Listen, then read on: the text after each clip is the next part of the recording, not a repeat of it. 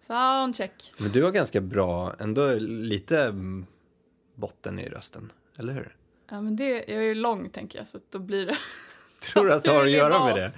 det? Ja, men mycket. Det är större klanglåda, Aha. tänker jag. Oh, då kommer vi in direkt på... Ja, men, Tekniska alltså, aspekterna nej, men alltså, av en omöjligt. Jag brukar säga kroppsbyggnad. att jag så här, nej men jag lämnar det där hemma, men det gör jag ju inte. Nej. Men speciellt med att så här, matcha ihop röst med mick. Ja. Det ser jag som en sport. Ja. Liksom. när, när jag ska spela in någon jag inte har träffat förut och så kommer de in i rummet och så säger de hej och då dömer jag på det hejet. Så tänker jag så här, ja, har vi kanske lite resonans runt 3 kHz, då kanske vi ska undvika U67. Du vet, så. Hej och varmt välkomna till Musikbranschpodden, en del av DMG Education, musikbranschens digitala kunskapsarena.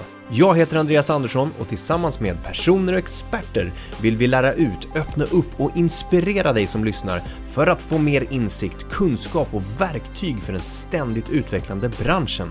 I veckans avsnitt träffar jag grymma Linn Fial som är studiochef samt mix och ljudtekniker på Riksmixningsverket. Linn var faktiskt med och startade studion tillsammans med Benny Andersson för nästan 10 år sedan. Vi pratar om allt från Linns dagliga arbete med att kombinera arbetet som bland annat inspelningstekniker och studiochef med allt vad som gäller kring bokning, administration och allt det kreativa runt omkring. Något vi kommer in på är även vikten av kommunikation mellan aktörer och roller i till exempel en studieinspelning. Det här och såklart mycket mer. Vi kör igång!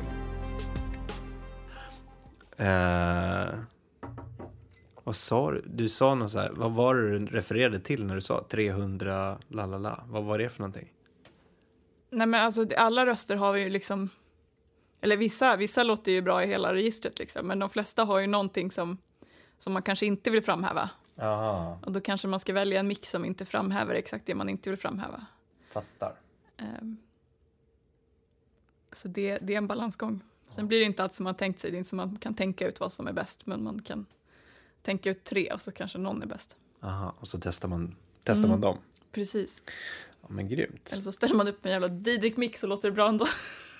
Alltså, det här, är- det här är så spännande. Hur, Mm. Jag har ingen aning om vad det är. Jag har lite koll på liksom ljudteknik och sånt där. Ja, men vi har... Men en Didrik-mick, Nej, men det är en handbyggd, väldigt speciell mick som är, den är superbra och väldigt unik. Och Mm. det är en, en, en gubbe på Östermalm som bygger dem i sin källare. Han Mm. bygger varje komponent själv, han är väldigt speciell, han Jo är men självlärd. vänta, det tror jag jag har hört du talas måste om. ha hört om honom, han är, ja. bjud hit honom. ja. Och prata mikrofoner. Prata mikrofoner, då ska du få höra, han är rolig. Eh, han har byggt dem i alla fall, de är Okej. superbra, allt låter bra i dem. Ja. Eh, om man inte ska ha något speciellt sound så... Ja. Plus att de ser speciella ut, de är skitstora och eh, kopparfärgade. Just det, just det. det de. Alla bilder från studion så ser man en sån mick. Så när vi... Vilma som jobbar också med sociala medier, hon skulle göra giffar till studion. Ja. Då är det liksom, ja men det är loggan på lite olika sätt och sen är det den där micken som snurrar. Mm. För att det är allt. Allt vi behöver. Det är allt som syns liksom. Ja. Men de är inte så billiga heller va? Nej, de är inte billiga, men de är inte heller jättelätta att få tag på. Mhm. Och, och Didrik har ju liksom inte... Han har inte ens mobiltelefon. Han har inte dator. Han har ingen hemsida. Folk vet inte om han lever om man inte liksom... Man får ringa honom på hans hemtelefon som han har i sin lägenhet och så sitter han i verkstaden. Och jobbar han, har han en intensiv period, man får inte tag på honom. Någon gång när jag verkligen behövde få tag på Didrik och fick, fick inte tag på honom, då blev jag tvungen och jag skickade ett brev med posten och bara hej Didrik, kan du ringa mig? Nej, på riktigt. Ja, fick jag svar, eller ringde han mig då en dag senare när han fick brevet. Åh jäklar. Men det är liksom bara specialbeställningar då också? Ja, men jag tror han bygger väl, men sen ska han sälja dem också. Det, jag tror han bygger tre mickar på ett år. och Aha. sånt där. Ehm, så att det är väl en liten marknad, men Mm. det är ett hantverk. Mm, verkligen. En Coolt. Konst, konstform på sitt sätt. Ja, minst sagt. Coolt, coolt. Mm. Ehm, men vi kör rakt på om vi inte har... Vi har spelat på lite grann sådär. Men Ja, välkommen till Musikbranschpodden, Linn Fial. tack. Mår du bra? Jag mår bra. Härligt. Du cyklade hit i motvind och snö. Ja, men jag har elcykel, Aha, så att det, det är ändå okej. det är bra. Ja, men då fick du lite hjälp. Jag fick lite hjälp. Ja, Men också snön mot ansiktet gör lite mer ont. ja. exakt. Men jättekul att ha dig här. Ja, tack, Vi ska kul ett- att vara här. Vi ska ha ett skönt snack du och jag. Ja. Vi kanske blir lite tekniska. Vi, vi har pratat Nej, men redan. alltså, varje gång man säger så här, nej vi ska inte bli tekniska så blir man det ändå. Och jag frågade när vi klev in här om du är arbetsskadad och utvärderar lite grann Mm. eh, utrustning och sånt där och sa du nej. Fast sen så kom vi ändå in på Mm. Lite tekniska utrustningar och sånt där. Ja, Men det är ju liksom, det är ju lite det som jag tycker är roligast. Ehm, så det, det är omöjligt. Sen kan man försöka och inte vara sån. Så lite arbetsskadad blev du ju ändå. Eller Ja, är men du ja, ju? det är jag. Det får vi det, säga. Vi, vi kom fram till det i alla Jag fall. känner det. Eller hur? Mm. Du är studiochef på Riksmixningsverket Ja, och också eh, mixnings och ljudtekniker. ja. Eller kan man säga så? Jag skulle vilja säga att jag är ljudmixtekniker. Eh, och så jobbar jag som studiochef. Ja, åt andra hållet ja. Precis. Precis. Härligt. Vilket du har gjort väldigt länge. Vi kommer in Mm. på det sen också. Eh, tio år. Mm. Det är ju mäktigt ändå. Ja, jag fick en liten chock när jag insåg att det hade gått tio år. Ja. Eh, Så la jag upp någonting på Instagram om det. Och då var det folk som jag jobbar med som bara, va, har det gått tio år? De trodde jag skämtade liksom. ja. Men inte, det går fort när man har roligt. Det gör det. om, om man bara tittar på de här rollerna då, studiochef och Alltså vi pratade innan om Mm. studiochef är lite mer adminjobb och, och Mm. sådär fast du är ju i grund och botten mer den kreativa sidan. Alltså ljud och Mm. mix. Men det, det började väl egentligen med att det var bara jag som jobbade i studion. Mm. Eh, Så då gjorde jag allt. Eh, Sen, alltså, svara på mejl, bokar, eh, bestämmer villkor och sådär. Ja. Ehm, och sen är det också, det är över tid. Alltså när man sitter som inhouse, då, då kan ju folk fortfarande välja om de vill boka dig på en session eller inte. De kan ju också välja att ta med sig folk. Ehm, och, och då måste man ju fortfarande jobba in sig lite för att få förtroendet Mm. att vara med på en, att, att, att ha inspelnings eller produktionsansvaret eller så. Mm.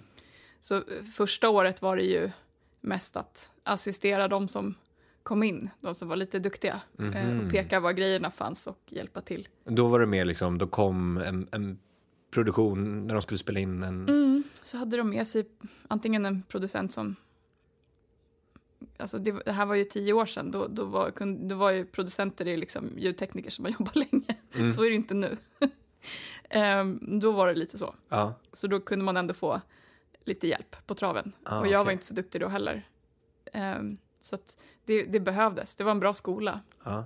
Kanske den bästa. ja. Får man säga så när det är musikutbildning? Självklart. Ja, men Ja. och du hade ju gått musikutbildning innan. ja, men Så absolut. att du hade ju någon slags grund. Du, var, du kom ju inte från, eh, liksom, vad ska man säga, Ingenting, nej. ingenting. Nej, vi hade lite, lite koll, men, men eh, jag blev själv förvånad över hur lite koll jag hade efter en treårig utbildning.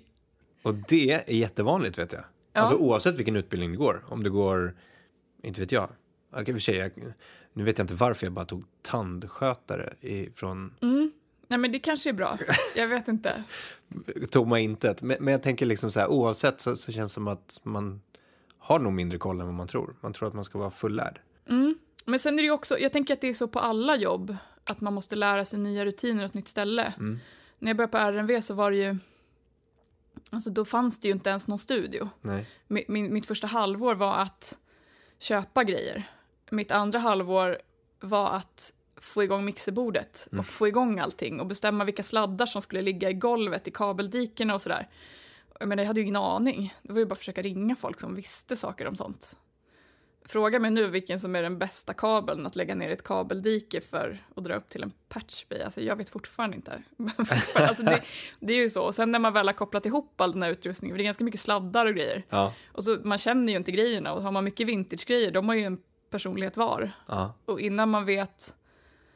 Alltså det var två, två stressiga första år kan jag säga. Man läser manualer på nätterna och sen om någonting sprakar, du vet liksom inte vad det är. Mm. Nu hör du skillnad på vad spraket kommer ifrån beroende på vad det är för typ av sprak. Och du vet vad som distar, när det distar och hur det distar. Så att nu är det så här, hör du ett ljud så bara, ja så fixar du det. Ja. Men, men det, det gör du ju inte när du står med en hel studio full med nya prylar och en ganska stor studio också med ganska mycket prylar. Så det är ju, det, det var en ganska, ganska långt instegskliv att bara komma in i det här. Ja, jag förstår det. Mm, Alltså, vi, vi ska prata lite mer om det strax också. Mm. Om just det här, du, du var med och byggde upp det. Eh, men om vi bara så här pausar lite granna. Och i de här alla arbetsrollerna och eh, ehm, eh, titlarna.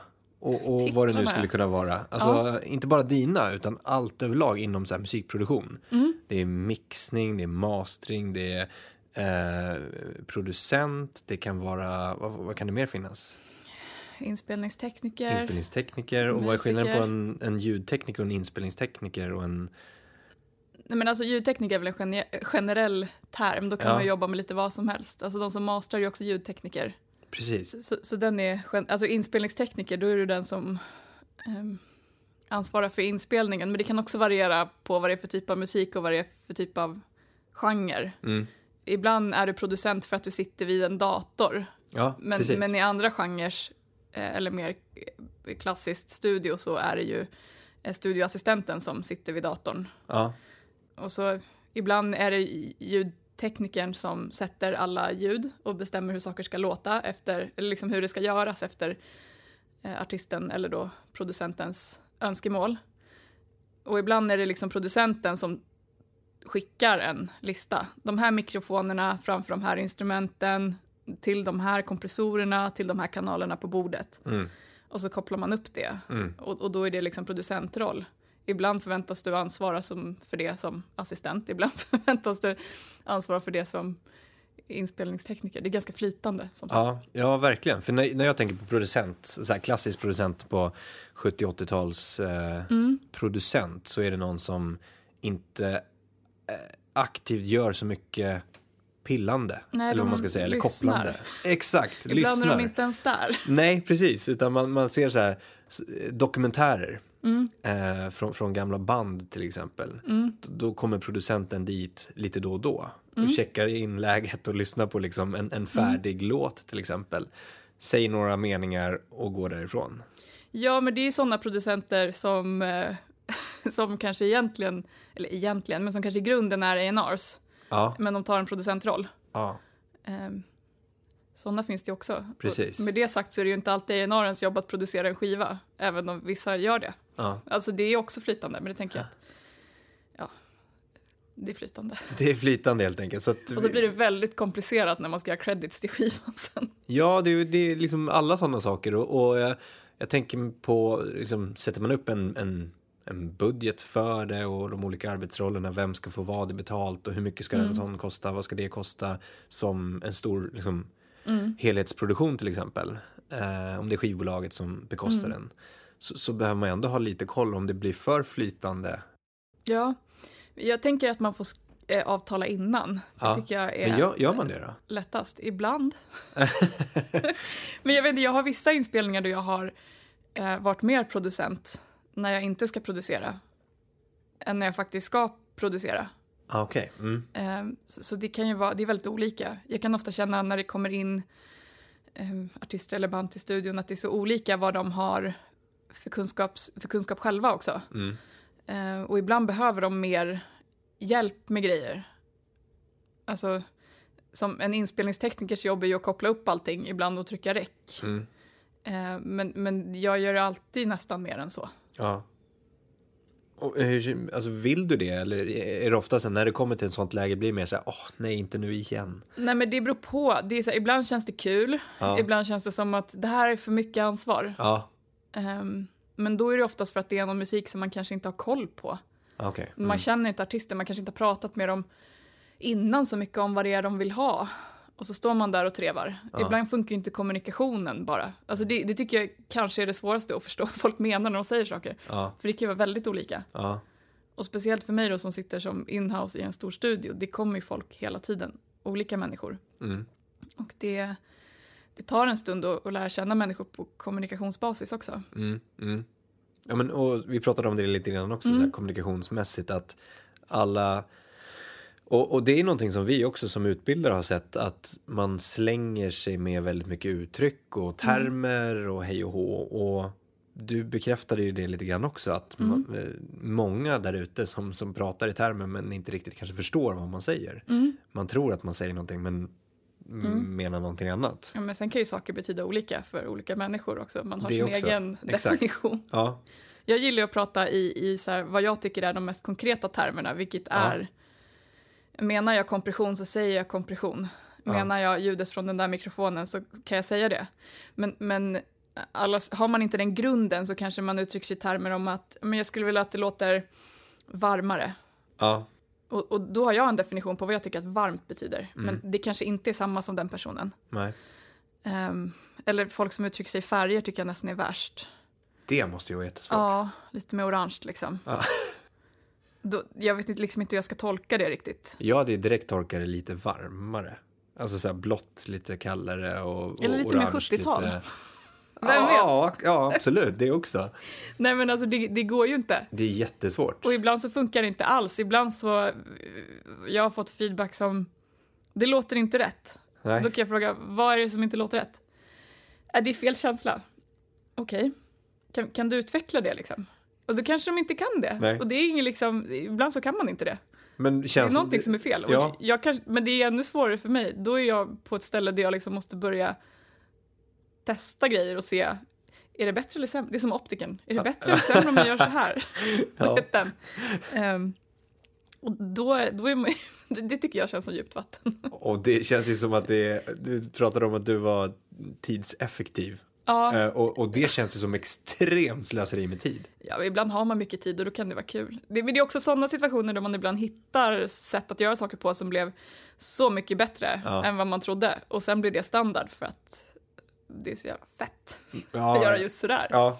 Men kan det vara ibland att så här, det låter inte rätt, men ja, fast det är ju ditt fel som musiker. Alltså att du, du spelar inte i rätt känsla. Eller? Mm. Ja, men just det här med känsla är ju också, också djupt vatten för att det är liksom, en känsla är ju någonting man har, det går ju igenom ditt filter. Ja, Eh, och, och det, jag kan ju inte påverka hur du mår och känner. Eh, Exakt. och, och sen kanske jag kan påverka, jag kan bara påverka hur det låter. ja.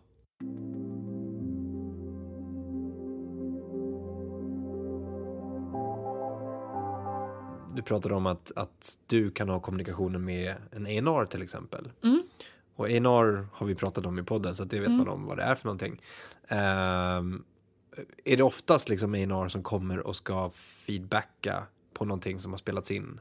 Alltså det är lite olika där, men kommunikationen går ju ofta genom en A&R. Ja, Men sen, det, det är risk att det blir lite fel i översättningen då ibland. mm. Eh, alltså från artisten till A&R och A&R till dig. ja, Ja, Ehm, och sen har det ju hänt också att jag har fått, alltså på mixfronten, att jag kanske tror att jag mejlar med, med producenten via A&R'n, men det är egentligen bara A&R'n jag har pratat med och sen får man något skumt DM på Instagram från producenten så bara, du den här mix jag skickade dig för tre veckor sedan, har du börjat på den? Och man bara, ja, vi är på version sju. Sådär, oj, så kan det bli. Ehm, och, och så har inte jag haft någon aning. aha. Eh, då kanske man skulle anpassa språket också, tänker jag, om man vet Mm, mm. vem man pratar med. Ja, men ja, verkligen. Finns det någon, jag tänker ju rent eh, spontant att det bör ju finnas i ett, ett sånt ett projekt liksom. Att det finns, bör finnas olika liksom faser och deadlines och, och eh, liksom sätt att kommunicera. Att man, man, man, man Mm. pratar om det innan. Att okej, vi kommer, kommer kommunicera på det här sättet. När, när den första mixen är klar, då kommer den skickas så. Vi kommer feedbacka på det. Vi hör av oss då. Da, da, da. Mm. Fast det kanske är mer flytande ändå, eller? Jag skulle vilja säga att det är ganska flytande. Ibland är det så. Ja. Nu kanske jag också tar upp så här extremfallen för att eh, visa på en tendens. Ja, ja, precis. Ehm, Men sen lär man sig ju också. Ja, Till exempel att jag alltid frågar A&R, alltså inte för givet att, att, att kommunikationen funkar toppen. Så jag, nej. jag kollar alltid, Mm. alltså tar ett snack med producenten eller artisten eller båda innan. Mm. Eller i alla fall har dem på CC på mejlen. Ja, Men att man, har, man vet vilka de är och vad de har för, hur man får tag på dem. Då, då är det liksom snyggt och professionellt gjort av dig. För att du har lärt dig under tid. Ja, men jag har inte så stort intresse av att så här, ha rätt eller så här, "Åh, du är dålig på att kommunicera. Jag har ju större intresse i att, att det ska bli bra och flyta Ja. på, att alla ska bli glada. Det är det enda jag vill. Ja. Att, att, Det är väl ett att det superbra ska mål? bli klart. Ja. Ja. Ehm, så att, sen, sen hur det går till, det är väl upp till var och en. Så tänker det finns inget sätt att göra det på. Och alla vill göra på olika sätt och då, då kan jag anpassa mig bara. Det är så himla enkelt. Mm, mm, Om man nu vet. mm, mm. Men det här med hur du jobbar också tidsmässigt Mm. och de här olika rollerna. Du har ju ändå liksom, du kan vara där och sitta vid mixerbordet Mm. eh, kreativt. Men du kan också sitta och mejla och boka in sessions och Mm. sådana saker. Hur fördelar du tiden däremellan? Om jag är bokad på, alltså har jag inspelningar, då behöver jag ju vara närvarande i rummet liksom hela Mm. tiden. Och då brukar jag mest se till att men jag kollar mejlen på morgonen när jag kommer in, Mm. lite snabbt. Eh, sen gör man sin dag och sen ibland får man pauser för att folk äter och tar pauser. Mm. Och då kan man bara ha datorn nära till hands och så svarar jag på mejl i mån av tid och sen när det är klart för dagen så tar jag, får jag saker gjort. Just det. Ehm, och har jag liksom mixdagar då är jag själv Alltså jag kanske, jag jobbar effektivt i liksom en timme i taget Mm. och tar långa pauser. Och då är det ganska skönt och så här, då kan jag ju svara på mejl och ta telefonsamtal lite när som helst för att jag Mm. styr min egen tid om jag sitter själv och så. Ehm, så det är väldigt olika. Mm. När du sitter och mixar då? Mm. Vad, hur, hur ser liksom... eh, Du, du pratar om tidsupplägget där. Att Ja. om du sitter en timme och sen tar du en lång paus, en timme och en lång paus. Mm. Ehm, är det oftast att du har hårda deadlines? Nej, eller jag... Där lägger jag ju bara upp arbetet efter mig själv och hur jag jobbar bra. Ja. Och det är som sagt, alltså största faran med att mixa är att bli för trött i öronen. Ja. Att man inte, man inte hör längre och så märker man oftast inte när man går över den linjen. Mm, Och då har jag insett att jag är ganska jag är ganska intuitiv, så när jag hittar fokus och vet vad jag behöver göra så går det jätte, jätte, jättefort. Mm. Så, så jag kanske, om jag mixar så lägger jag kanske upp första, första en och en halv timmen på att bara här, gå igenom alla kanaler, kolla att de är, att de är rätt, att det inte är en massa monoljud på stereokanaler så det ligger dubbelt. Eller att allt, alla kanaler jag får har ljud på sig så att det inte är att den kanalen som heter Leadvox är tom. Nej. Då kan man ju misstänka att man behöver mejla någon Ja. och sådär. Ehm, och sen färglägger jag allting i rätt färg. Jävligt noga för mig. Och så lägger jag allting i rätt ordning för jag har en ganska tydlig arbetsgång. Och- det tar sin tid. Ja. Och sen när jag väl börjar jobba då har jag liksom en, vad ska man säga, grundmix på oftast under två timmar. Okej. Mm. Eh, och sen behöver jag ta en paus, då tar jag, jag har hunden med mig så jag går ut och går. Mm. Eh, eller äter lunch eller så. Och sen börjar jag pilla på detaljer eller påbörja nästa mix och försöka hoppa mellan sessions tycker jag är det lättaste sättet för att inte bli trött i öronen. Ja. Hur bestämmer du när du är klar då? Alltså jag är klar när alla är glada. Ja, men jag tänker med första mixen liksom. Alltså, du, du måste Mm. ju sitta för dig själv först och sen, okej, nu är jag färdig att låta andra lyssna. Ja men precis. Ehm, Hur, hur bestämmer du det? alltså oftast när jag inte vet vad jag ska göra mer. Ja. När jag säger det, det här kan vara bra, eller Ja. så är det inte det.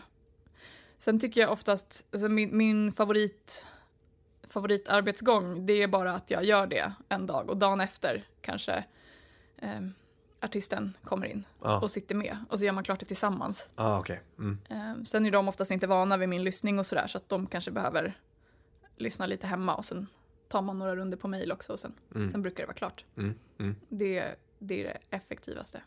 Okej.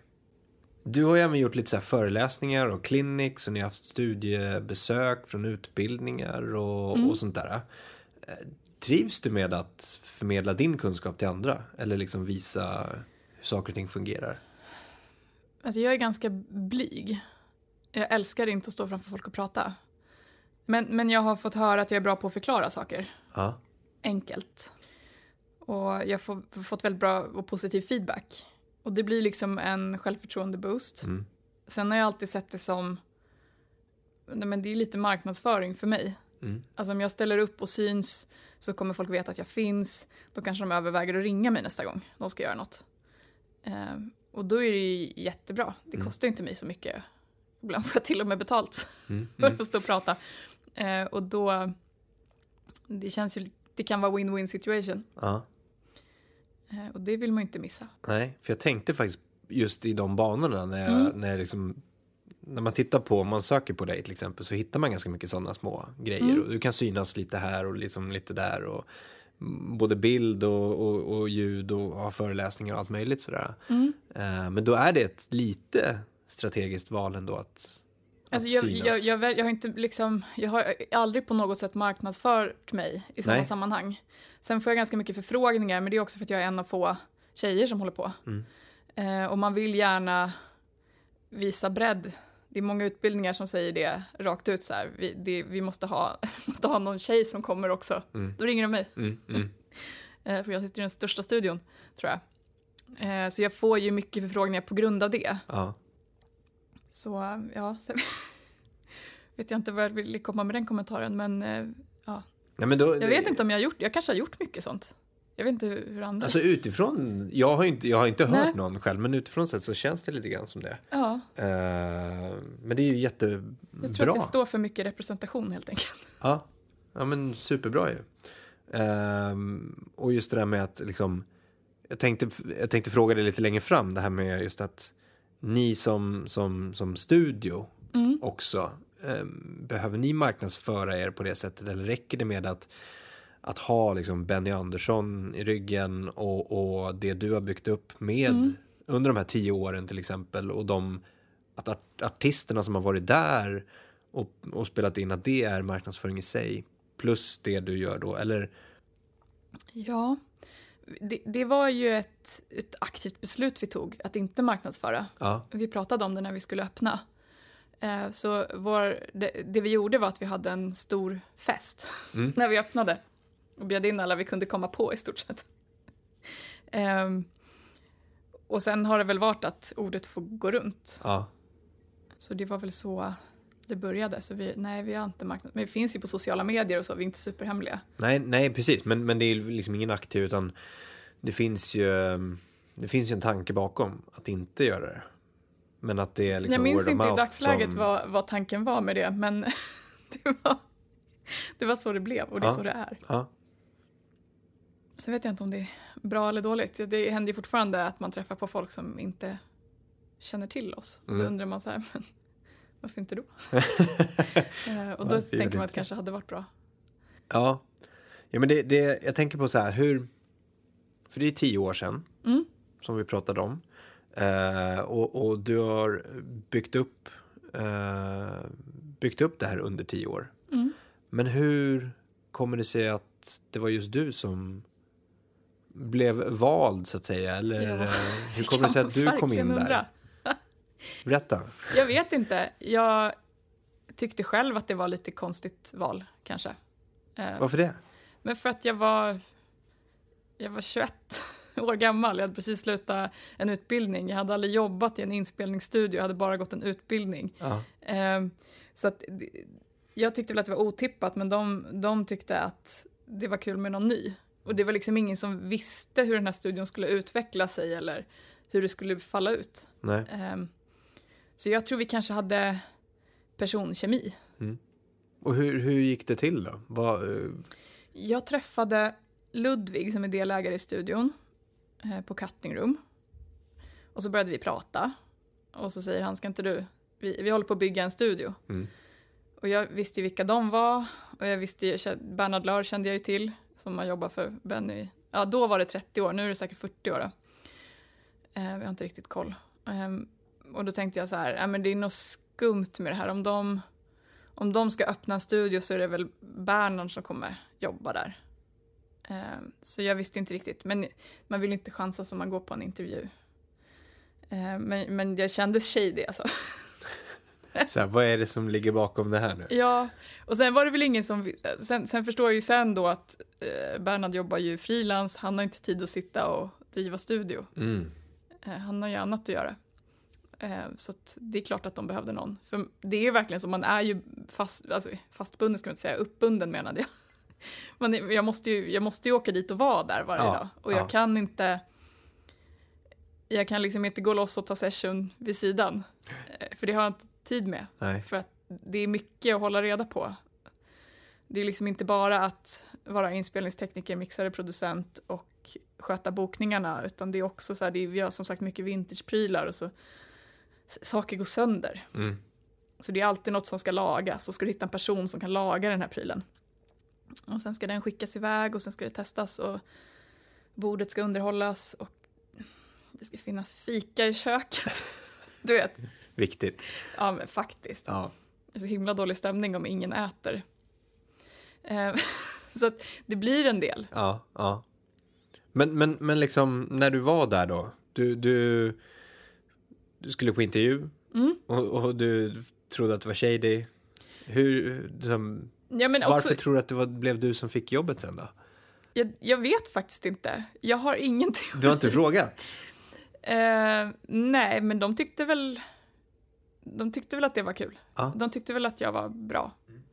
Eh, jag skickade ju en portfolio också och jag fick höra att nej men du är, det låter ju lika bra om dina grejer som om någon annans liksom och du verkar trevlig och det är roligare att anställa en ung tjej än någon som är typisk. Alltså, en medelålders man. Alltså Ja. mina, flera av mina lärare från skolan, eller flera vet jag inte, jag vet minst en sökte det här jobbet Ja. eh, och var på intervju. Men de valde ändå mig. Mm. Och då tänkte, eller så var det bara att men nu bygger vi upp något från grunden, då kan vi bygga upp den här personen från grunden också. Ja men ja, och det var ju jättehäftigt och nu det Sen dess då under de här tio åren, du har ju varit med och byggt upp Mm. eh, och de mest största kända artisterna har varit där och spelat in. Ja, Eller ja, ja, men det kan man nog många. säga. Ja, många stora. Allt från Sara Larsson till Peter Jöback, Benny Andersson Orkester Mm. och min mormor. Din, vem är din mormor? Min mormor har spelat in hos dig. Vad heter hon? Vem, är- vad gör Eh, hon? hon är inte artist. Nej. Min mormor ringde mig ehm, Men var det den här jubileumskören som körde kampsånger på i Gamla stan? Exakt. Och de var så gulliga. Hon ringde mig för lite drygt ett år sedan tror jag det var. Eller ett och ett halvt eller två år sedan tror jag det var. Ett Ja. och ett halvt år sedan var det nog. Eh, och sa det att ja, ehm, jag och Tantpatrullen Just som de det, heter, Tantpatrullen. som kämpar för ett, eh, ett mer rättvist pensionssystem. Mm. Eh, och, och de är ett gäng eh, äldre damer eh, som är ute och eh, gör det varje, en gång i veckan. Ja, de, Så står är så de i, i. Gamla stan. ja. Och då så har ju de lite kampsånger som de sjunger. Ja. Och då ville de spela in det och då så ringde hon mig och sa det att ja, jag har gjort lite research här på nätet och, och hittade, jag tänkte att Benny Anderssons eh, studio, han har ju någon studio där, så då tittade jag och då var det Riksmixningsverket och då, då hittade jag någon Linn och, och då ringde jag till Linn eller jag mejlade till Linn och så eh, sa jag hej och kan vi få spela in och sådär. ja. Eh, så min mormor, inte alls via mig, jag hade ingenting med det att göra. Eh, hittade dig på nätet och kontaktade dig och sen fick komma och spela in Tantpatrullen då. Ja, men jag, man, det kan man ju inte säga nej till liksom. De var liksom lite för söta, så har man en lucka måste man tacka ja. Fungerade det bra? Ja, men de var så snälla. Ja. Det blev bra till slut. De ville trycka upp det på CD-skiva sen också. Ja, Eh, just det. Hittade de förlag? Nej, Skivbolag. det blev ingen, ingen upptryckning sådär, så det, det är fortfarande digitalt. Men det, Mm. Men det är ingen som lyssnar på skivor nu ändå. Så jag finns på Youtube det... i alla fall, Tantpatrullen ifall man vill söka Ja, jag på har det. inte gjort det. Det borde. Ehm, så att alla de största och eh, Ja. sådär har spelat in kan man sammanfatta det med. Ja, vi spelar, jag spelar in Stefan Löfven som sjunger Internationalen också. Så det... Ja, det också, eh, högt och lågt kan man säga. Ja, Men ehm, det här med eh, ehm, liksom kommunikationen, om vi kommer tillbaka till det, men Mm. ett rent liksom projekt när du, du eh, vem är det som hör av sig till dig och säger hej, vi vill boka in den här artisten. Vem i bransch, är det liksom skivbolaget eller E&R eller är det manager eller är det är ju alla de. alla Ibland samtidigt? också artisterna. Jaha, okej. Mm. Ehm, ja, alla. Ja. Du vill ha så här, hur funkar det? Och jag bara, som man det vill. är flytande. Det funkar som man vill att det ska funka, bara det funkar så är allt bra. Exakt. Det är det enda vi siktar på. Men om det är någon som ringer, oavsett vem det är, hur, eh, hur går du tillväga? Säger du så här, jajamensan, jag ska bara öppna kalendern. Ja, alltså om jag inte kan säga jajamensan, jag ska bara öppna kalendern, då svarar jag inte i telefon. Nej. Ehm, ja, sen vill jag ju ta alla bokningar på mail, för att det blir liksom som ett avtal. Mm. Då har man något att hänvisa till om det skulle strula. det misstaget har jag också gjort. Att avtala allting över telefon och sen blir man blåst. Nej, på riktigt? Jo, Aha. Det har hänt, så det, det gör jag inte, utan allting ska gå via mail. Och då finns det nästan, även om någon ringer mig så ber jag ofta om att så här, ja, vi, vi tar det här på mail också. Mm. Det vi säger nu kommer jag sammanfatta och skicka till dig, jag behöver ett vändande ja. Mm. Liksom. Mm. Eh, Men jag försöker hålla det på mail så mycket det går gällande bokningar. Och då hör de väl av sig och så säger de vi vill göra det här och det här. Och sen är ju ofta frågan vad kostar det? Eh, och sen när man har rätt ut att det finns budget och att det finns ledig tid när de kan. Så går man in på det jag brukar gilla att diskutera innan och planera lite hur hur de ska stå, vilka som kommer när, hur själva inspelningen kommer gå till, om de har något speciellt sound de siktar på. Eh, till exempel, nej men om du ska spela in en, en jazzkvartett, Mm. då ska det låta lite som jazzkvartett oftast. Det är inte så mycket... Det, det är ofta ganska, musikerna gör soundet mer än själva inspelningen. Men ska du spela in ett poprockband så behöver du lite mer då sätter du ett större sound redan i studion. Mm. Eh, För att det blir liksom mer karaktäristiska ljud för just det projektet. Ja. Och då kan det behöva mer planering, det tar längre tid att soundchecka och så vidare.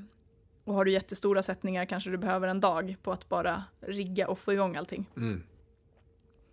Och hur rent konkret gör du det här? Har du det i huvudet eller skriver du på en liten post-it-lapp eller har du något program där du... Eh, Jag brukar skriva en... Alltså jag har ett block och så ritar jag studion och sen skriver jag ner vad jag tycker att de ska stå, eller vi diskuterar Ja. liksom. Ja. alla olika krav. Vissa måste se varandra och så. Eh, vissa saker ska läcka in i varandra, vissa saker ska separeras stenhårt. Vissa saker ska läggas på efteråt. Så gör jag någon form av schema. Ehm, och sen när vi har diskuterat, om de kanske skickar soundreferenser eller någonting, så ibland gör jag också en micklista Mm. eh, hur jag tänker. Eh, för vissa, vissa är så här, vi ska spela in det här. Det enda jag vet är att jag vill ha en 414 på saxofonen. Men bara, okej. Ja. Nej men du vet, och så eh, skriver jag ner allt det tekniska och sen kommer de på morgonen. Eh, har, jag liksom, har vi pratat igenom vart alla ska stå, då är det ju oftast riggat och klart när de kommer så kan, de, kan vi börja soundchecka och tweaka direkt. Mm. Eller så behöver de komma dit på morgonen och så tar vi en kopp kaffe och pratar lite och sen går vi in i studion och så börjar vi från scratch när de kommer för att vi inte har planerat över mail. Mm. Och det kostar ju dem mer tid. Mm. Eh, men det är lite olika vad man, hur man tycker om att göra. Mm. Men återigen det där med kommunikationen vi var inne på. Vi nämnde det innan att sådär är det någon, någon som ska ha dit en filmare. Mm. Och, och, Det, det är ganska vanligt. Ja. Det är vanligt att de vill filma när de är på RMV för att det är fint. Ja, Eh, Ibland bokar de för att filma en session. ja, Eh, Och då kan man behöva prata om det. ja.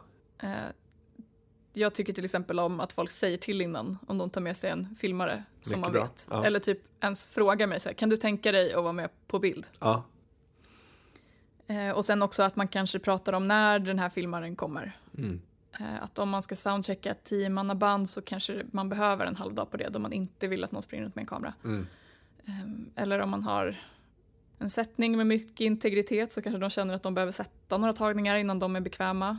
De kanske vill sätta tagningen eh, så att de kan fokusera på att agera framför kamera eh, sen. Ja, ja. Och så gör man en playback exakt. eh, och så. Ja. Och det kan ju vara bra att prata igenom. Ja. Eh, annars kan det bli väntetid och sådär. Mm. Och det är inte alltid kul. Nej, och det kostar väl också pengar. Ja, det gör väl det. Ja.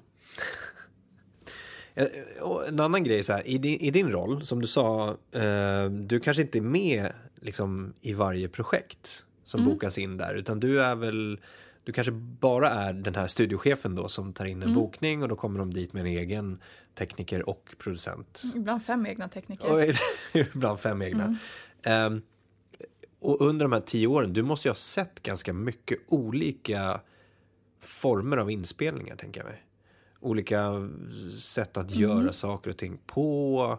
Du var inne på det, att det en, har varit en superbra skola. Ja. Eh, vad tar du med dig några lärdomar från liksom, de här, vad du har sett andra göra? Jo men absolut.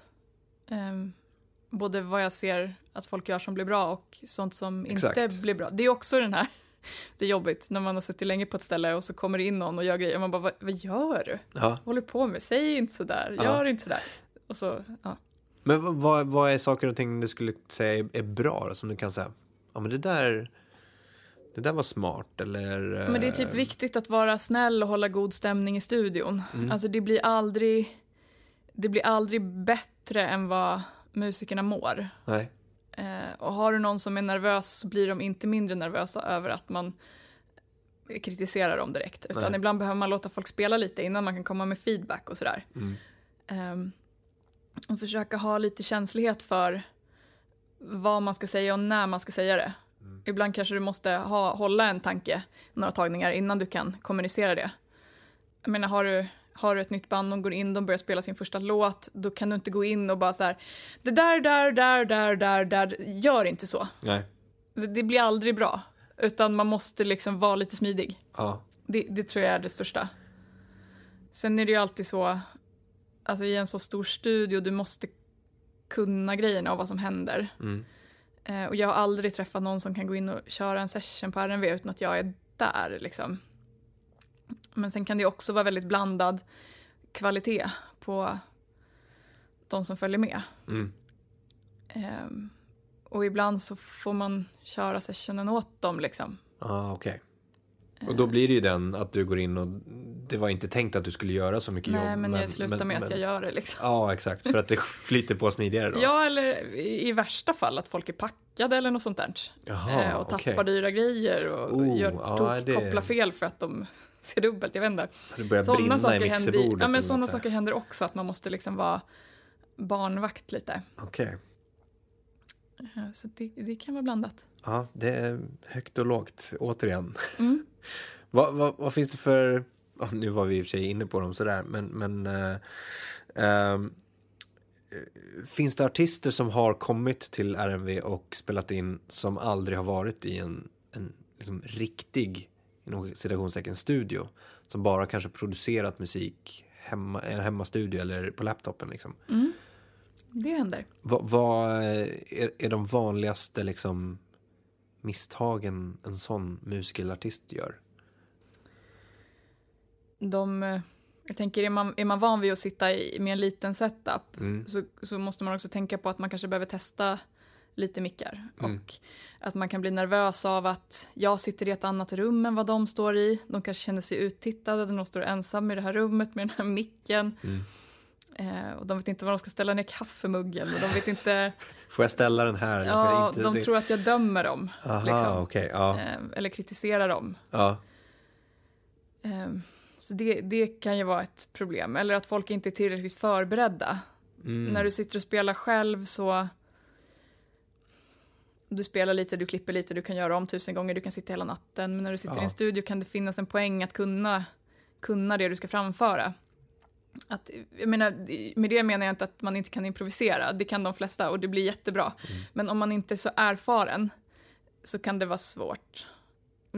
Till exempel om du har en pianist som, som ska spela piano på en session, eh, mest för att de är kompisar, de jobbar ihop, det funkar jättebra Aha. i midi, för då kan man bara justera tonarten, sen kommer de till studion och bara den här låten går i cis, men jag kan spela den i C. Kan du pitcha det? Och då tänker man så här, alltså jag har inte midi i våran flygel, Mm. utan du måste liksom, antingen får vi pitcha det inspelade ljudet, då blir det mycket sämre kvalitet, eller så kunde du ha övat in den i cis hemma. Liksom. Ja, Sådana grejer ja. eh, som kan vara svåra. okej. Mm. Men också ta med sig, om man nu ska ha en session och tar in musiker som man kanske inte känner. Alltså det är en sak om man är ett band, då är man beroende av karaktärerna i bandet. Mm. Och deras eh, begränsningar, karaktär och stil sätter ju ljudet. Men om, om du tar in sessionmusiker så finns det ju en poäng att ta in folk som... För det händer ju i studion att saker man måste kanske ändra. Man kanske, någon kanske måste spela annorlunda och att den har den tekniska färdigheten att... Vissa behöver ju öva Mm. Om man inte är jättebra på att spela gitarr kanske man kan ha lärt sig spela den här låten på det här sättet. Och sen om man vill, behöver ändra någonting i liret så, så kanske de egentligen behöver öva en stund. Ja. Innan de, de kan inte bara ändra. Så, så det kan ju vara bra att kolla det innan. Mm. Testa mm. lite möjligheter och kanske ha någon som är, har lite bättre koll. Ja, Eh, om man nu ska göra en session. Speciellt om det är live, om man har en kamera i nyllet, då blir det ännu mer. exakt. Åt andra hållet då, finns det, finns det de här superrutinerade musikerna eller artisterna som har kommit och spelat in och som, där du möter en eh, det, det är väl lite grann så här, jag tror att det finns en reklam till och med när man ser en studio där en, en artist sjunger in och det låter förfärligt. Men artisten bara, där satt den. Eh, men du känner att så här, ja, mm, nej, inte riktigt. Vi behöver nog några tagningar till på det här. Eh, har, har det skett också? Ja, det är klart. Men sen beror det också på vad jag har för roll i det här projektet. Om jag är där som inspelningstekniker så ska inte jag hålla på och peta i deras tagningar. Nej. Alltså om artisten säger att det är bra, då, då är det bra. Det spelar ingen roll vad min åsikt är. Nej. Eh, Jag kanske tycker att, det spelar ingen roll heller, det är, det är samma sak när man mixar, alltså det är inte min, även om jag kanske känner starkt för den här skivan, jag känner starkt för den här produktionen, jag vill att det ska bli bra och jag tror att mitt sätt är bra för att sån är jag, Mhm. så behöver det inte betyda att det är så. Nej. Eh, för att det finns liksom inga rätt och fel. Och så, folk har också väldigt olika syn på det här med vad som är felspel och vad som är feeling. Ja, exakt. Och, och det har, har, de, har de bett dig innan att så här, gå in och peta i det där? Mm. Absolut. Om någon frågar om din åsikt, då kan du absolut säga det. Ja. Men, men du kan inte vara där som, som inspelningstekniker och sen gå in och smygproducera om det inte är välkommet. Då kommer du få kicken. Ja, ja. Liksom. Och då är vi ändå snälla i Sverige, jobbar du med amerikaner till exempel, som är mer hierarkiska. Alltså du får inte, om, om jag sitter som inspelningstekniker och så kanske jag har en åsikt, det kan vara om ljudet eller om vad som helst som jag måste framföra, då ska jag viska den till producenten, helst i ett annat rum. Och sen få- får den personen säga det. Ja, okej. För att det är inte mitt jobb och det är Mm. producenten som bestämmer vad som är bra och dåliga idéer Mm, mm. och så. Så det måste man ju ha lite klart för sig. Ja, Man kan liksom inte bara gå in och köra på. nej. Men återigen det här med kommunikationen. Alltså förväntningar tänker jag mig också på. Mm. Att, att, att artister och bolagen runt omkring artisten bör ha liksom rätt förväntningar på okej, vad är det som händer nu när vi har bokat det här och vi ska spela in? Mm. Vilka olika andra roller har vi med? Att, att den, den kommunikationen bör ju gå ut. Ja. Men det är lite svårt kanske. Nej men ja, ja det är det väl. Men det, det, det som jag tycker är den största fallgropen det är ju det här med producentrollen. Mm. Alltså man behöver en producent. Mm. Någon måste producera. Även om det inte är att du programmerar någonting i en dator som är produktionen, utan även om du jobbar med livemusiker så måste någon producera. Mm. Och, och det är jättesvårt att vara artist och liksom göra tagningar och sen gå in i studion och bedöma om det du precis gjorde var bra eller dåligt. Mm. Alltså det är det är, det är liksom det är väldigt få som tar sig an det och det är väldigt jobbigt. Så någon kommer alltid producera. Mm. Så när, när band säger vi producerar själva, då, då finns det en lucka liksom. Vissa band klarar det. Vissa band har någon bandmedlem som är ansvarig. Mm. Liksom. Mm. Men i många fall när de säger producera själva så behöver de hjälp. Liksom. Någon styrning i alla fall. Ja, Mm. och, det- och det kan också vara A&R'n som är den styrningen. Mm. Ibland är det så. Ja, okej. Eller managern i några fall som Mm. går in och är det. Det kan vara ett stöd, det kan vara någon som bara klappar dem på axeln och säger bra gjort när de har Ah. tagit en tagning eller där satt den. Ja. Var, alltså, kan vara mood management också, men någon, någon måste vara den som gör det. Bra. Bra jobbat. Ja, det är jätteviktigt. Alltså det kanske typ är det viktigaste man kan säga, att det är bra när det är bra. Ja.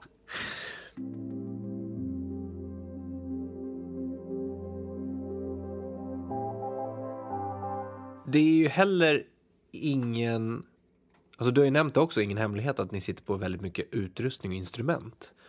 Och, och, och när ni skulle starta igång det här och när ni har byggt upp det så är det ju mycket som ni har som ni har från andra musiker, artister och håll och kanter Mm. i liksom ert hus. Mm. Hur såg den processen ut? Okej, nu ska vi bygga upp det här. Vad behöver vi? Jo, vi behöver en sån, en sån, en Mm. sån. Hur bestämmer man det? Men dels gick väl ryktet lite att vi skulle öppna studio. Och då hör folk av sig som har grejer att sälja. Det händer fortfarande. De skickar listor på att vi, vi ska sälja lite grejer. Är ni intresserade av det här? Och så får man en lista. Mm. Ehm, och sen kontaktade jag, och gör fortfarande, eh, folk som har musikbutiker liksom. Ja, Som säljer ja, men både studioutrustning och instrument. Eh, och säger vi, har du något som kan intressera mig så ring mig. Och så gör de det ibland. Så när vi byggde studion involverade vi Deluxe Musik väldigt mycket. Mm. Han som är ansvarig för Stefan, som är studioansvarig där, han, han ringer fortfarande mig när de får in någonting. Nu har vi fått in det här, vill ni Mm. ha? Och, så- och så var det mer, i början köpte vi massa prylar. Ja. Eh, men han ringer fortfarande. Så bara, Vill ni ha en cembalo? Han bara nej. Så, sådär. Försöka går ju. Ja men det är kul. Tänk Ja. om vi hade velat ha en cembalo. Ja, exakt. De är inte asvanliga. Sen så. satt jag ju ganska mycket på Ebay och Blocket och så också. Mm, mm. Vad är den coolaste grejen ni har, enligt dig? Alltså vårt mixerbord. Mm. NIV 8068 från 70-talet. Som är jättestort. Eh, det, det är ovanligt att ha så stora, så stora bord från den tiden. Mm. Nu är det ju två mixerbord som är ihopbyggda under 80-talet. Eh, men det, det låter så fruktansvärt bra och det är kanske vår viktigaste pryl som formar hela soundet av studion. Mm. Så den, den, det är favoriten. Och den som inte fattar riktigt varför man behöver, som du var inne på, liksom, ja men vadå, kan man inte bara liksom in med alla kanalerna i, i datorn? Ja, det kan du göra. Men vad är, vad är Ehm. den största skillnaden med att du behöver ett stort, stort mixerbord? Alltså dels för att du kan få in väldigt många kanaler samtidigt. Mm. eh, och sen att ha ett, det är inte bara att det är stort, det är bra också. Mm. Eh, Det, det är fruktansvärt bra. Alltså det låter lite bättre.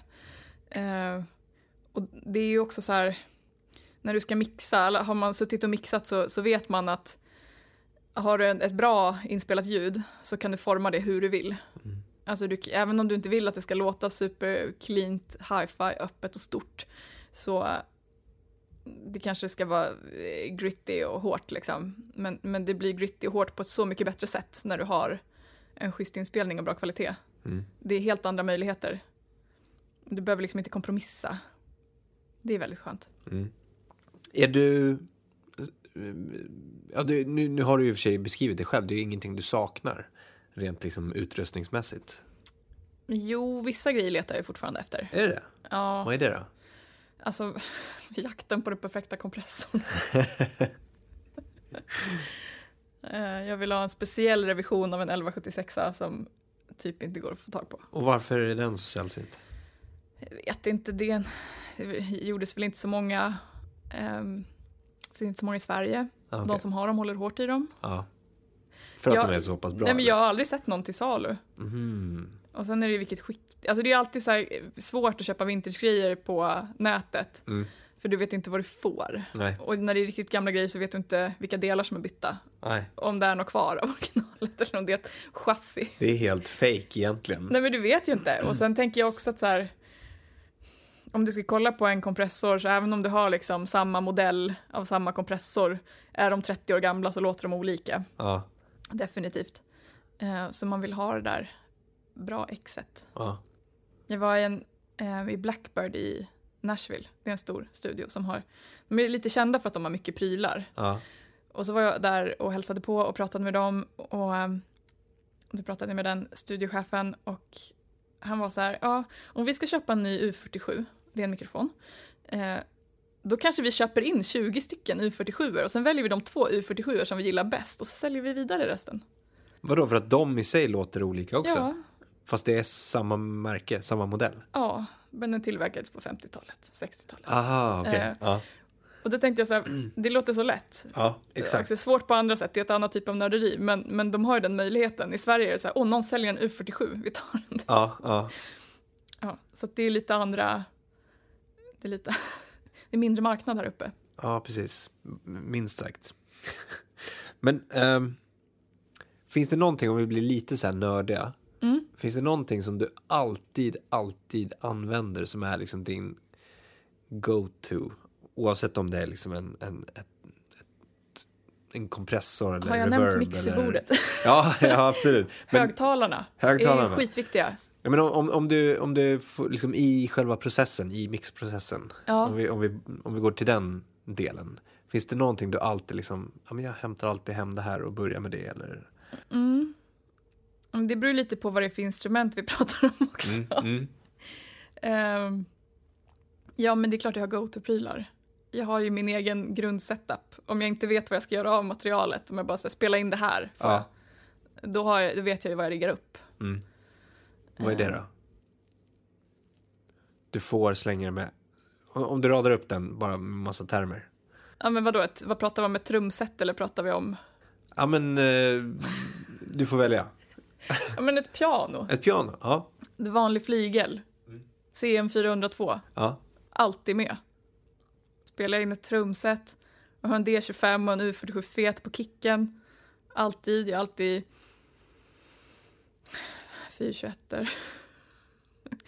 Jag kan micka upp ett trumset med bara 421 eh, Också en så här mick som är så underskattad. Det är så dynamisk, som har funnits länge. Och som är supervanlig, men också toppen. Mm.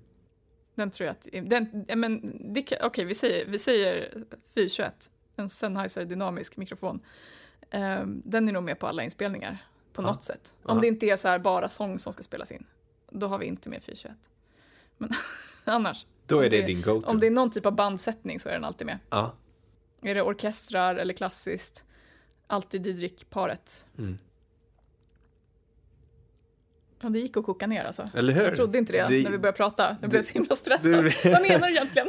Vadå, vadå go-to? Jag är alltid, alltid olika. Du hade ju någonting där som, som du... Ja, spännande.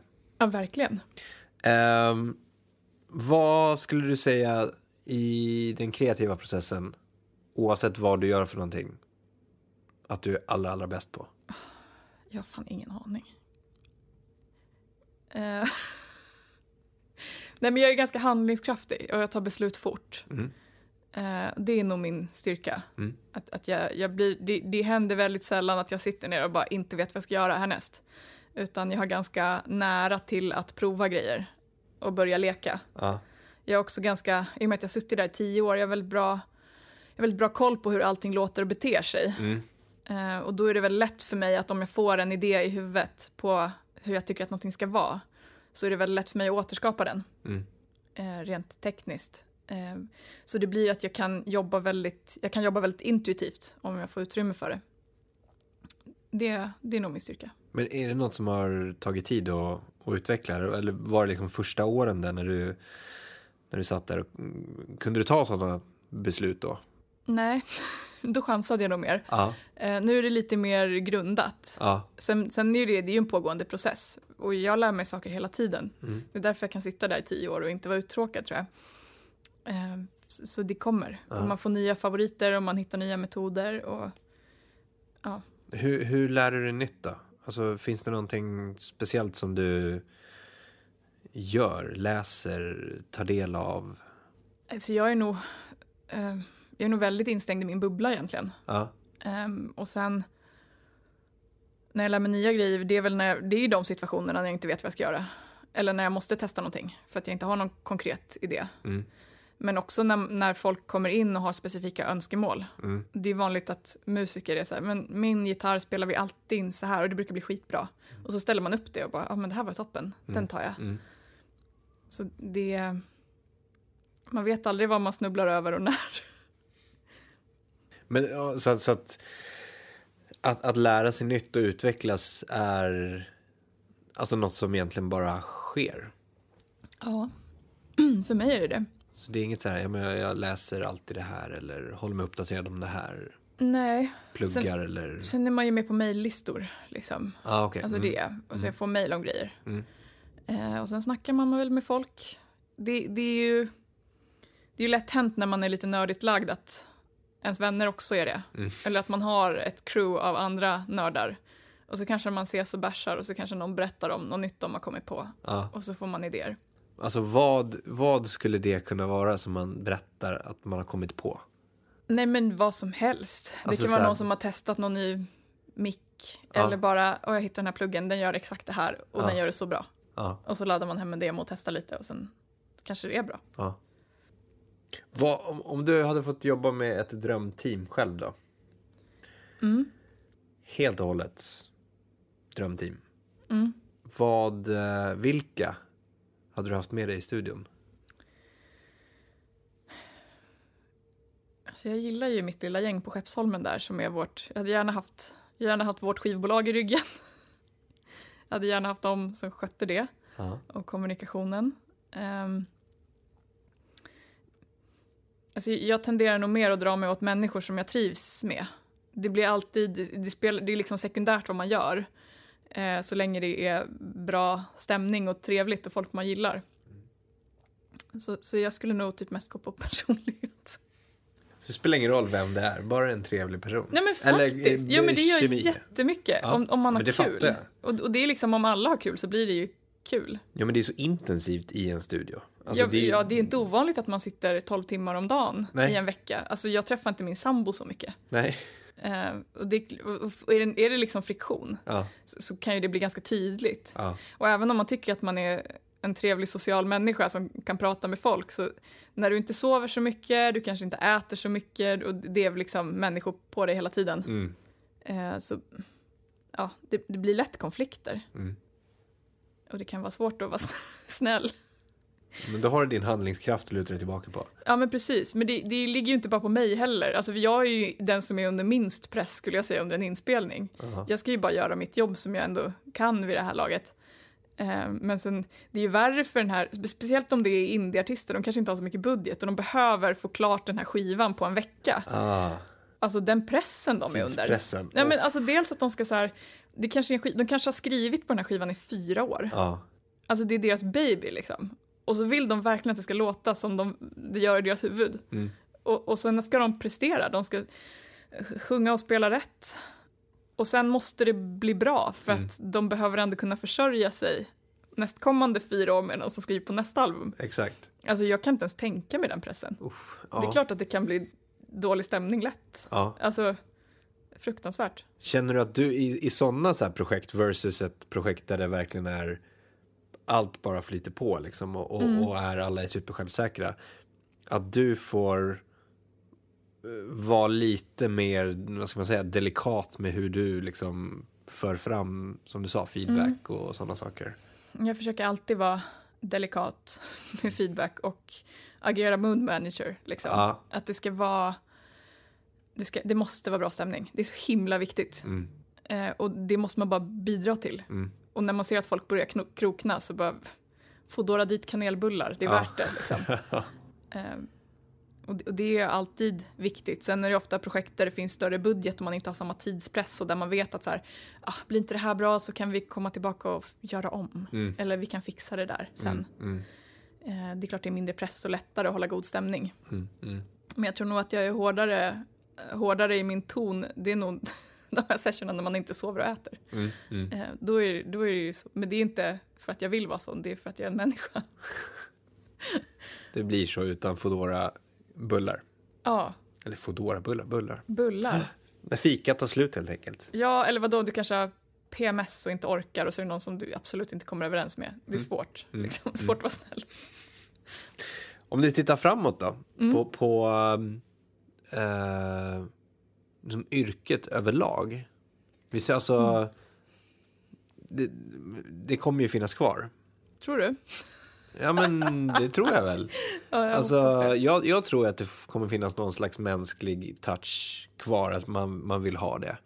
Mm. Ehm, att inte allt blir liksom, AI-genererat eller digitaliserat helt och hållet. Nej, men så länge det finns musiker så tror jag det finns en framtid. Sen, Ja. sen kan jag uppleva att hela DIY-rörelsen har vuxit sig stark och Mm. budgetarna minskar. Ja, Och det finns större press på att leverera mycket material. mm, Alltså du ska hålla dig aktuell, du behöver släppa mycket och du behöver släppa ofta och ibland kan du släppa fem olika versioner av en låt. För att du måste hela tiden hålla dig aktuell och synas. Ja.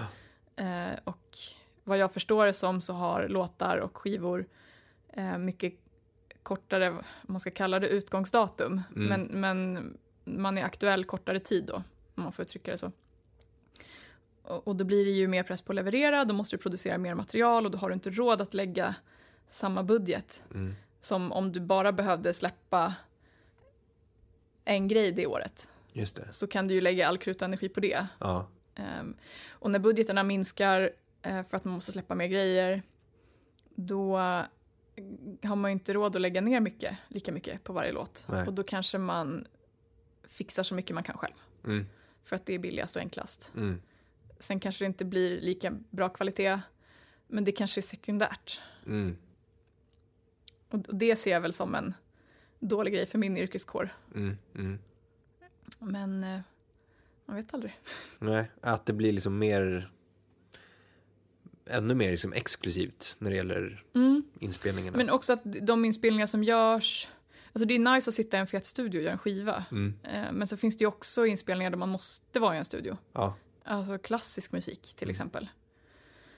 Eh, Men det är ju inte så stor del av marknaden just nu. men som du säger, så länge det finns, vi har ju pratat om det förut i podden, att så här, men även om det finns AI-skapad symfoniorkester, alltså, Mm. så, så, så kommer inte eh, människor att sluta lyssna på andra människor som framför det. Ehm, och, och just att visst, det kan bli, det kan bli en annan inriktning, liksom AI-anpassad eller digitaliserad musik eller vad man ska kalla det för. Men att det inte ersätter helt eh, den mänskliga liksom, touchen på något sätt. Man vill fortfarande lyssna på en människa. Men det finns ju också fortfarande den här idolkulten också. Mm. Precis. Det tycker jag man märker ganska tydligt att det är, du kan få en skivbolagsdeal på att ha ett stort Instagramkonto. Mm. Och har du det så kommer det hjälpa dig med marknadsföringen. Att marknadsföring blir en stor del av det hela. Mm.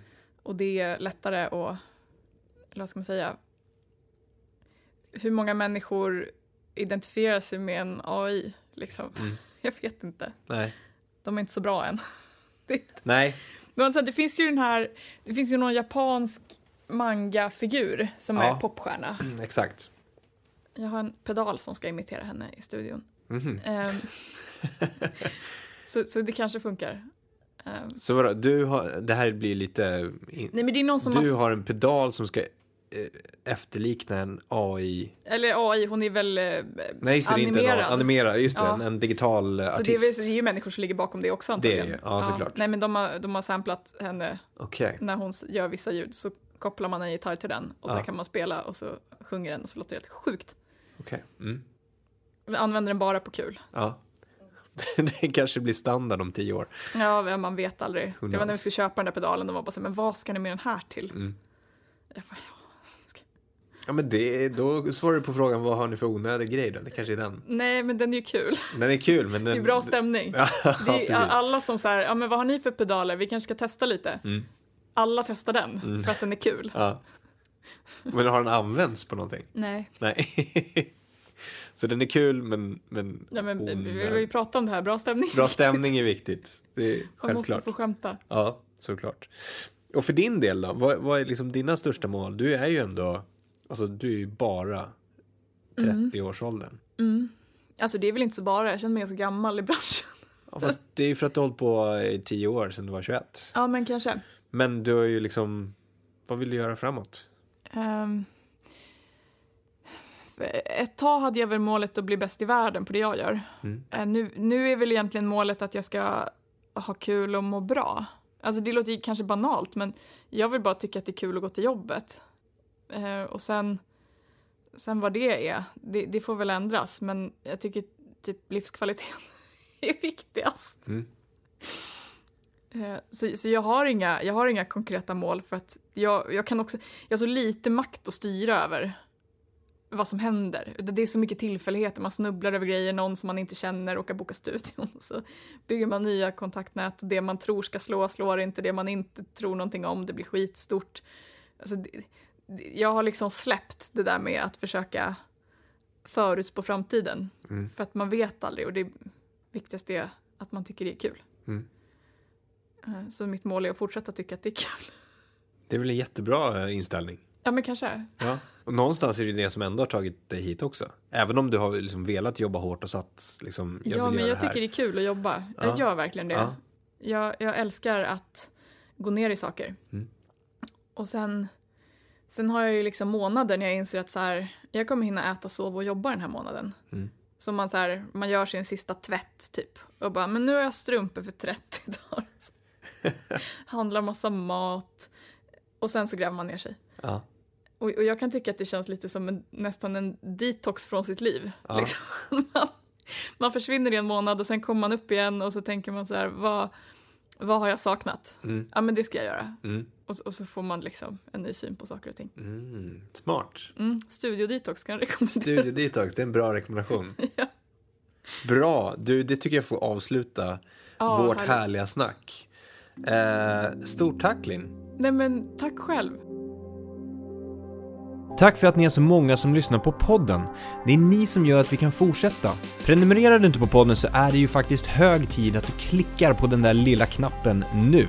Och för ännu mer kunskap, gå in och registrera dig för kunskapsbrevet på vår hemsida dmgeducation.se. Det är inget spam, det är bara kunskap. Ta hand om er ute så hörs vi igen nästa avsnitt.